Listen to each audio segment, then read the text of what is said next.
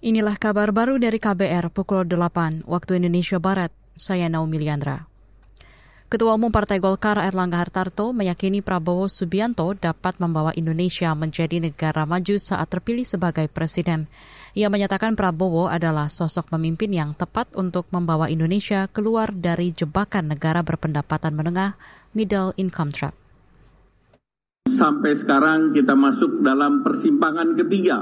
Apakah negara ini menjadi negara maju atau negara yang berpendapatan menengah. Di Asia tidak banyak negara yang lolos.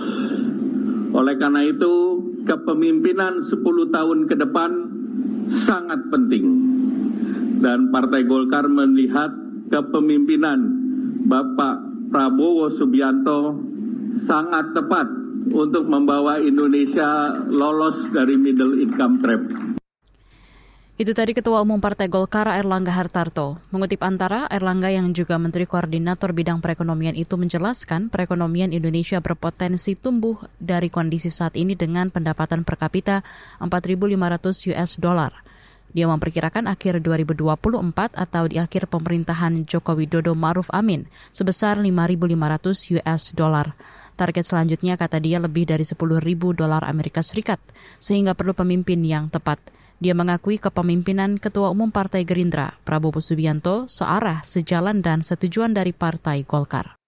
Maluku Utara disebut sebagai provinsi dengan tingkat kerawanan politik uang tertinggi. Hal tersebut tercatat dalam data peluncuran Indeks Kerawanan Pemilu atau IKP Bawaslu tahun 2023. Anggota Bawaslu, Loli Suhenti, mengatakan selain Maluku Utara, provinsi rawan politik uang selanjutnya yakni Lampung, Jawa Barat, Banten, dan Sulawesi Utara.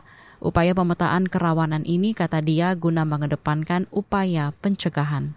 Tentu saja kita melihat semakin banyak ragam dan modusnya upaya pemberian uang ini, baik dia merupakan uang cash, jasa maupun janji. Yang kedua, tadi sudah disinggung juga kesulitan kita menangani yaitu karena memang sulitnya pembuktian. Pembuktian untuk perkara politik uang itu sulit, waktu penanganan pelanggarannya terbatas. Kesimpulannya, belum optimal regulasi yang kita punya. Artinya kita punya formula mengatasinya supaya tidak nabrak aturan tapi ada ada upaya-upaya pencegahan.